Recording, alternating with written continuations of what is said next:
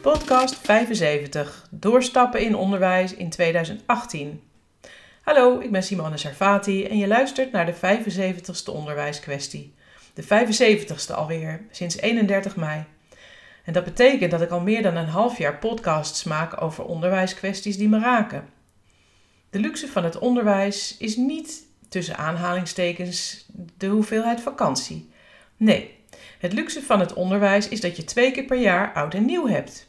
Je krijgt twee maal per jaar geheel legitiem de gelegenheid om te reflecteren op wat is geweest en na te denken over je plannen voor de toekomst.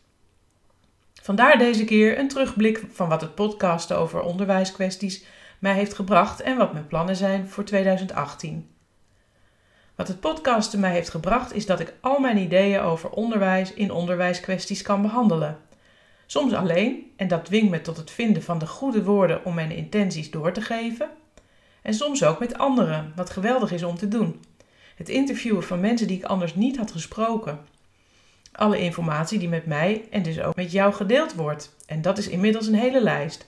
Over thuiszitters, over het imago van het onderwijs, IB, AB, ouders en ouderbetrokkenheid, kleuteronderwijs, ICT, social media, mediawijsheid, rekenonderwijs, selectief mutisme, uitval van onderwijspersoneel, tolerantie als schoolproject, leiderschap in het onderwijs en de herinneringen van een oud schoolleider. Interviews heb ik gehad met bekende mensen, zoals meester Bart in de nummers 13 en 53, meester Mark in podcast 16, Claire Boonstra in podcast 62 en Peter de Vries over ouderbetrokkenheid in aflevering 67. Maar ook minder bekende mensen met grote onderwijsharten, zoals Rob van der Sande.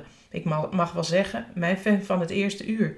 Met hem sprak ik over mediawijsheid in podcast nummer 31. En niet te vergeten Lex Huppe, die ik in de uitzendingen 17 tot en met 20 sprak over thuiszitters.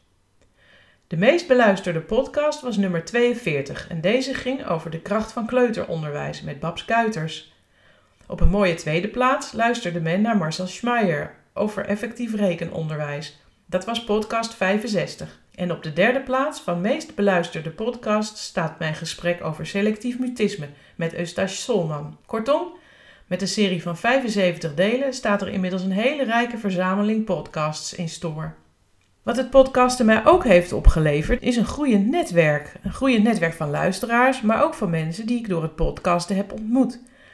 Van alle interviews heb ik ook nog eens nieuwe kennis opgestoken, dus dat is een heel rijk resultaat. En dan hebben we natuurlijk het tastbaar resultaat. Het grote non-stop onderwijskwesties marathon podcastboek. Het boek wat ik heb gemaakt naar aanleiding van de podcast 7 tot en met 60. Dit boek met 362 bladzijden gevuld met onderwijskwesties is nu ook voor iedereen te verkrijgen. De bestelinformatie vind je op mijn website www.sarfati.nu onder het tabblad boeken of op de Facebookpagina Onderwijskwesties. Verder word ik steeds handiger met de techniek en in het departement hobby is dat ook mooi meegenomen. Ik kom er trouwens ook achter dat er best nog wel mensen zijn die niet weten wat een podcast is.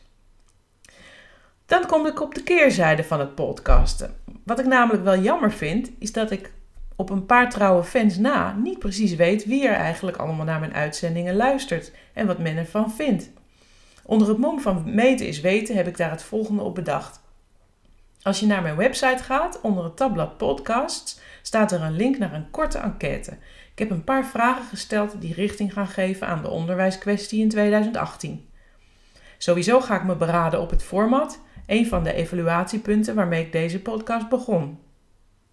Om je te blijven voorzien van kwalitatieve en inhoudelijke podcasts, heb ik besloten een pauze in te lassen. Echt een podcaststop, zodat ik de tijd heb om te evalueren en nieuwe plannen te maken. Ik wil gaan nadenken over het format en de tijd nemen om nieuwe gasten te interviewen, zodat ik in het voorjaar van 2018 een opgefriste serie onderwijskwesties kan gaan posten. In de tussentijd kun je de al geposte podcasts natuurlijk blijven terugluisteren. Die blijven gewoon te beluisteren vanaf de website. Voordat ik deze laatste podcast van 2017 afsluit, wil ik je nog even wijzen op mijn kerstgedachten met betrekking tot de online training voor het ontwikkelen van onderwijsarrangementen. Ik heb de inschrijftermijn om nog mee te doen aan de pilottraining verlengd tot uiterlijk 11 januari 2018. Dus als je in de kerstvakantie pas tijd hebt om over dit geweldige aanbod na te denken, ben je nog niet te laat om aan te haken bij de pilottraining.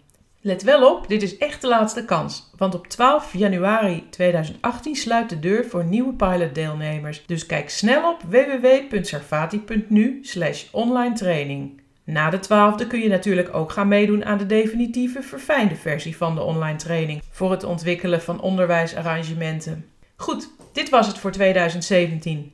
Ik hoop dat je ertoe komt om al deze informatie ook te linken en te delen. Weet dat ik dat enorm waardeer. Oh ja, en denk nog even aan de enquête, zodat we in 2018 weer kunnen doorgaan met een prachtige serie onderwijskwesties. Wil jij in het nieuwe jaar met me werken aan de ontwikkeling van onderwijsarrangementen? Of wil je met me sparren over passend onderwijs?